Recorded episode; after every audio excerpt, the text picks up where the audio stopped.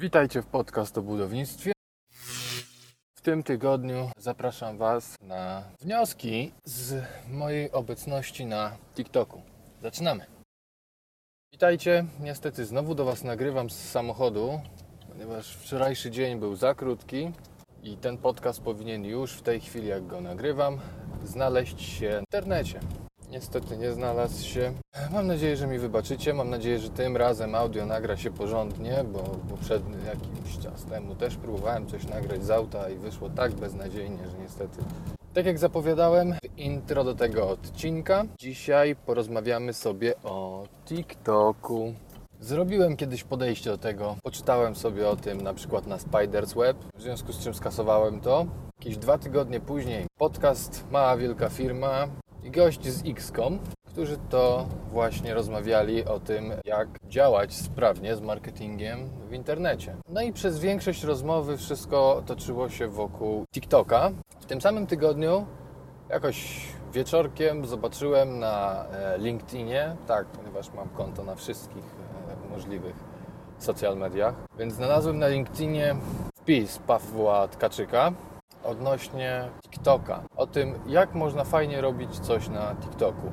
No i że to jest świetne miejsce dla firm, ponieważ faktycznie jest tam sporo wygłupów, ale jest to też ogromne skupisko Twoich potencjalnych klientów. Oczywiście, wydaje się to dość, dość dziwne, ale zaraz do tego przejdziemy.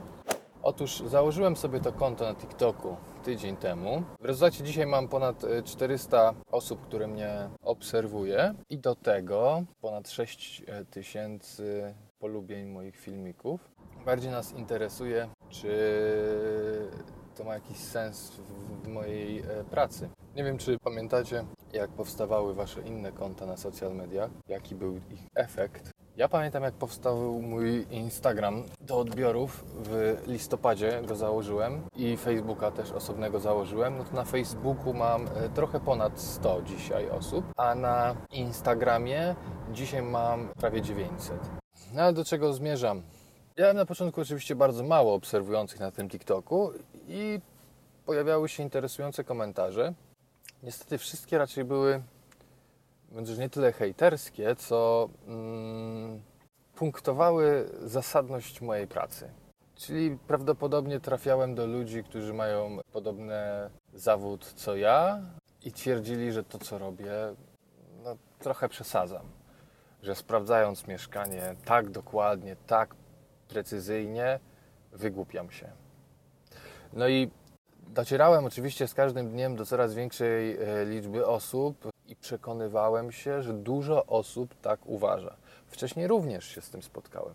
Fakt, że w Polsce 10 do maksymalnie 50% osób w danej lokalizacji, często nawet w danej inwestycji, dokonuje odbioru z osobą techniczną.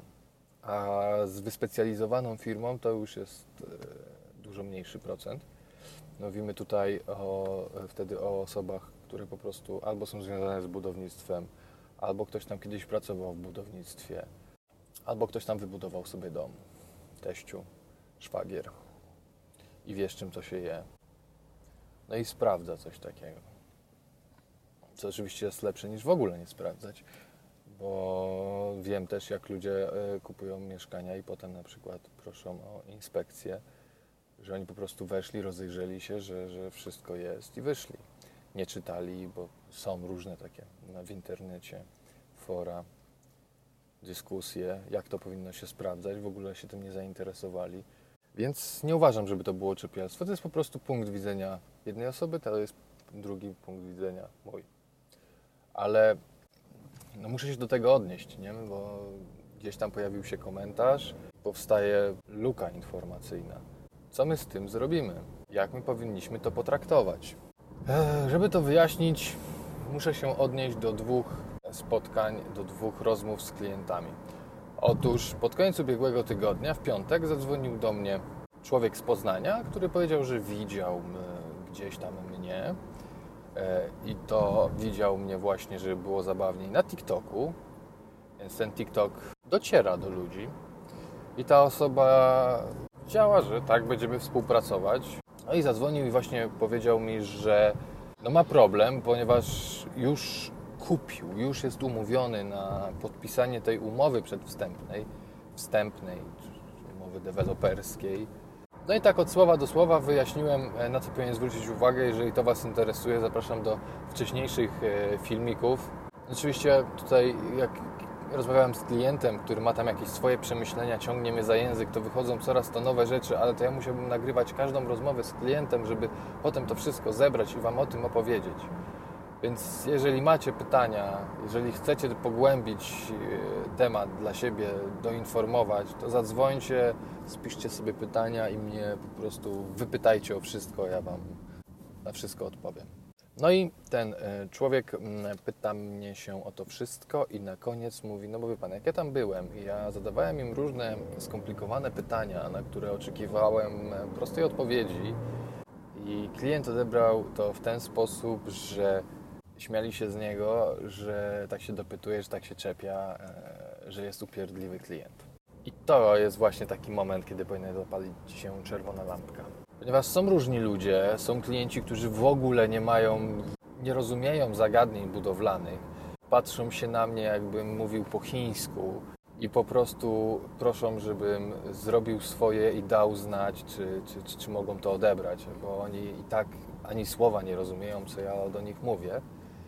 E, niektórzy jeszcze starają się to zrozumieć. Siedzimy sobie później godzinkę i dyskutujemy, jak to powinno wyglądać. I takiej samej e, opieki oczekują zapewne od dewelopera, że jeżeli mają pytania, no to mają prawo e, wymaglować człowieka. Po to powstała ustawa deweloperska, która gwarantuje nam wgląd i prześwietlenie dewelopera i wszystkie dokumenty, które umożliwią nam jego prześwietlenie, mają być dostępne na miejscu od ręki. Oczywiście, wiadomo, ustawa ustawą, życie życiem, no ale jeżeli chcesz gdzieś zajrzeć, to po prostu okej, okay, wie Pan, no mamy to w segregatorze gdzieś tam, żeby nie zginęło za tydzień, jak Pan przyjdzie, to, to Panu to pokażemy. Specjalnie dla Pana przywiozę, nie ma problemu, rzadko kiedy ktoś o to pyta. Okej. Okay. Chodzi po prostu o znak, że zależy mi na Tobie, jeszcze na etapie zakupu zrobię wszystko, żebyś chciał kupić, a nie już na etapie zakupu zrobię wszystko, żeby cię zniechęcić. No kurde. No dobra. A teraz kolejny punkt świadczący o tym, że moje czepianie się to nie są wymysły, to nie jest abstrakcja, tak się nie buduje, tak się nie da często po stronie dewelopera, nawet nie tyle dewelopera, tylko generalnego wykonawcy, bo często deweloperzy w ogóle nie mają wpływu na to. Oni nie zatrudniają własnych inspektorów, często tego nie robią. Powinni. Wielu tak robi. E, nie zatrudniają swoich inspektorów, którzy przychodzą i się czepiają. Nie tworzą umów, w których są zapisane odchyłki, jakieś warunki odbiorów tych robót. Ma być po prostu zrobione, zapłacone i do przodu i nie ma weryfikowania, poprawiania. Ale to mówię, to zawsze zależy od tego, jak się umówimy, bo na przykład jak odbieram w domach jednorodzinnych, no to klient umawiał się z wykonawcą na twarz. Robi pan tak, żeby było prosto, tak? Rozumiem, murarz schrzanił i pan teraz nie będzie naciągał. Tak każdy może powiedzieć. Zdaję sobie sprawę, bo na tej właśnie budowie, o której mówiłem, jak pokazywałem murarzowi, że jest na styk w odchyłkach, no, wie pan, wymurowałem tak, żeby tynkarz miał co robić. A tynkarz potem mówi, że wie pan, no tu odchyłka, tam odchyłka, gdzieś mi się to sumuje, ja tego nie jestem w stanie naciągnąć. Dlatego budujemy bez odchyłek. Odchyłki to mogą być wypadek, może być wypadek przy pracy, a nie norma, bo mi się nie chce posortować materiału wziąć ten, który... Aj. I znowu gadam, gadam, gadam, a ja na razie przegadałem jeden wątek. Mm, no ale to wszystko, co mówię, jakby mm, są moje nerwy w pracy. I to, o czym powiedziałem, e, o tych krzywych kątach na przykład, to była moja wizyta w Mińsku Mazowieckim, w miejscu, gdzie poniżej 10% osób na inwestycji odbiera z kimś o doświadczeniu budowlanym, no to wyobraźcie sobie, jaki odsetek odbiera z fachowcem. No na tej inwestycji na 60 mieszkań odebrało jeden profesjonalista, mówię o sobie oczywiście. Nie mówię, że jestem jedyny, no ale akurat w tym miejscu chyba byłem jedyny. Skończyło się tak, że e, upierdliwy klient, który e, powiedział, e, no tak, no, ten inżynier ma chyba rację, prawda? No, nie przedstawili Państwu argumentów, które obalałyby jego uwagi. Co więcej, gdzieś, gdzie uważałem, że mogą się Państwo zgadzać, na przykład, e, wie Pan, no, te krzywe ściany uniemożliwią zabudowę stolarską. No wie Pan, jeżeli zabudowę stolarską, jeżeli stolarz nie potrafi wykonać prostej zabudowy stolarskiej, no to ma Pan kiepskich stolarzy, proszę zatrudnić mojego. Wychodzimy z tego mieszkania i pokazuję, że nie podoba mi się zabudowa drzwi. Czasem to malują w inny kolor, czasem układają płytkami, czasem coś tam wykombinują. Tutaj zabudowa była z płyty. To był element e, stolarski wykonany przez stolarza na zamówienie i pokazuje, że jeżeli dzwonek jest z lewej, to z prawej strony jest krzywo, a jeżeli dzwonek jest z prawej, to z lewej i że po prostu jest krzywo i że można by było coś z tym zrobić. I oni mówią, że nie, że ja się czepiam, e, że stolarzowi tak wyszło. Ja tak się na nich patrzę. Czyli co, wasz stolarz nie potrafi prosto i chyba jednak nie będziemy do niego dzwonić, jak będziemy chcieli, żeby coś było prosto. Bo tu akurat ściany są proste, a zabudowa wyszła krzywa. No i wtedy klient powiedział, no tu pana ma. No cóż, smutna rzeczywistość. Ale czasem się trafi taki deweloper czy wykonawca, gaduła, który to opowie wszystko, byle tylko nawinąć makaron na uszy. Make my day. No i ci, e, e, ci inwestorzy stwierdzili, że no przecież halo, no, ten inżynierek to chyba ma troszeczkę racji w tym, co gada. No i będziemy się go słuchać. No i dzwonią do mnie dwa czy trzy tygodnie po odbiorze i mówią, że mają problem, bo ten deweloper nic nie uznał. Powiedział, że on nic z tym nie zrobi. Zaproponował wypowiedzenie umowy. Taniej jest mu zapłacić odsetki za zerwanie umowy, niżeli e, naprawić e, to, co ja wskazałem do naprawy. Druga sprawa, że e, za wszelką cenę stara się uniknąć zapłaty odsetek. Dziękuję, tak to może wyglądać. Więc bądźcie upierdliwi już na etapie mm, wyboru, bo jak przyjdzie do odbioru, to wasza upierdliwość skończy się tym, że zmarnowaliście czas. Niestety. Ale do rzeczy, do rzeczy, Wiktorze. Otóż ten odbiór, który dzisiaj miał miejsce, który jest istotny dla tego odcinka podcastu, jest istotny dla Was, dla zrozumienia tego całego zagadnienia, dotyczył prawie że idealnie wykonanego mieszkania. To jest inwestycja, która znajduje się niedaleko mojego zamieszkania. Inwestycja, na której byłem dwu, dwukrotnie jako potencjalny kupujący. I słuchajcie, moi drodzy słuchacze,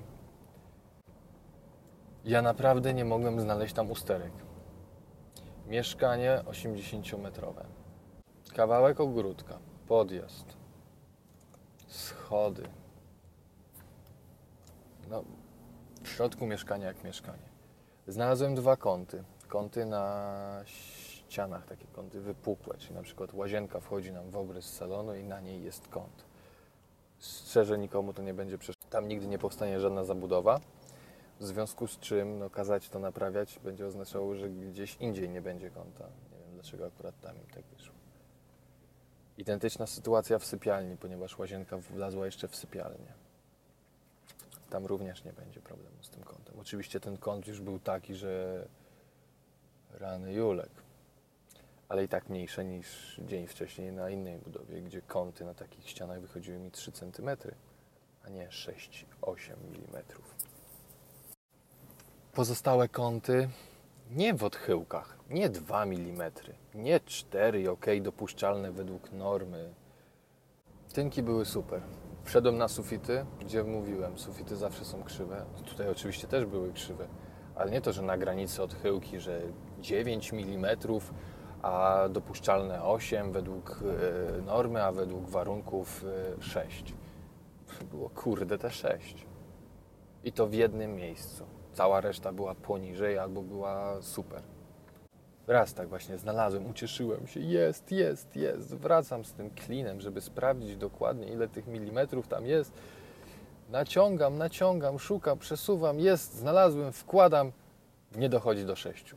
To, to się tyczyło tynków, tak? Wszystkie listwy przylegające były super, wewnętrzne, zewnętrzne, tynki zewnętrzne w jednym miejscu, gdzieś tam pęknięcie, odparzenie. E, no zdarza się, no to jest po prostu, po to właśnie wykonujemy odbiory, że gdzieś tam coś się zdarzyło, oni to naprawiają i będzie perfekt. No i co, sprawdziłem okna. Na jednym oknie w kuchni znalazłem drobny odprysk do uzupełnienia e, obróbki blacharskie, bo tam był taki taras, który miał murki oporowe i te murki oporowe były zwieńczone obróbką blacharską, żeby nie ciekło.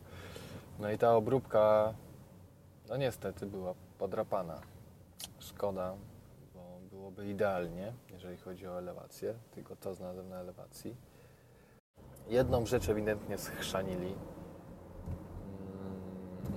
ale i tak są, e, nawet z tą schrzanioną, są, jeżeli chodzi o posadzki, są przeciętni. Posadzka spękana z odchyłkami, ale twarda.